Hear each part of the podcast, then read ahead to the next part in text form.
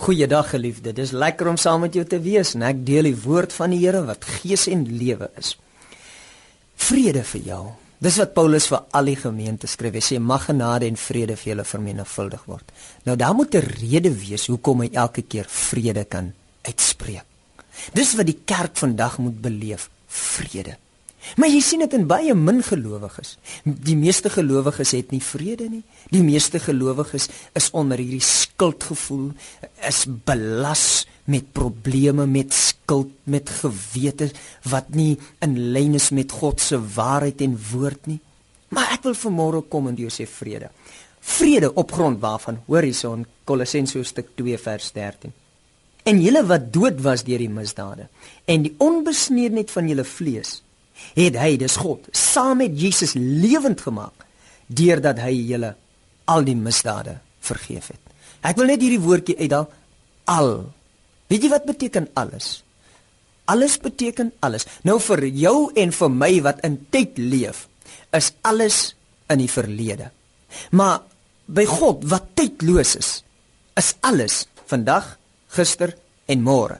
Wanneer God sê hy het alles al jou misdade vergewe, dan beteken dit gistersin, vandagsin, môresin, want God is 'n ewige God en God leef buite tyd. So die God wat buite tyd leef, kyk in jou lewe in wat binne in tyd leef en hy sien, luister jy vir hierdie 100 jaar wat jy lewe, gaan jy dit verkeerd doen en die God wat buite tyd is, vergewe jou al jou ongeregtigheid. En hoor hier.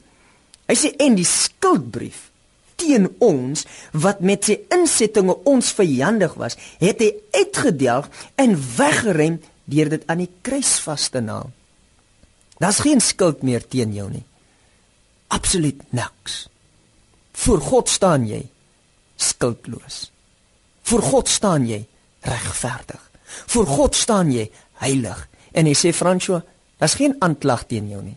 Absoluut niks. Wie kan beskuldigings inbring teen die uitverkorenes van God? Dis wat Paulus vra. God is dit wat regverdig maak. Jesus is dit wat gesterf het. So wie kan? Absoluut niemand nie. En hierdie gedagte dat daar's geen skuld is nie, bring soveel vrede. En op grond van hierdie vrede kan ek net my hande ophef en sê dankie Here. Dankie dat U my so liefhet, dat U die skuldbrief weggeruim het. Geen aanklag nie. Niks nie. Is dit nie lekker nie? Ja, dis die goeie nuus. Dis die goeie nuus wat ek en jy behoort te verkondig dat God in Christus die wêreld met homself versoen het deur hulle misdade nie toe te reken nie. Vrede vir jou.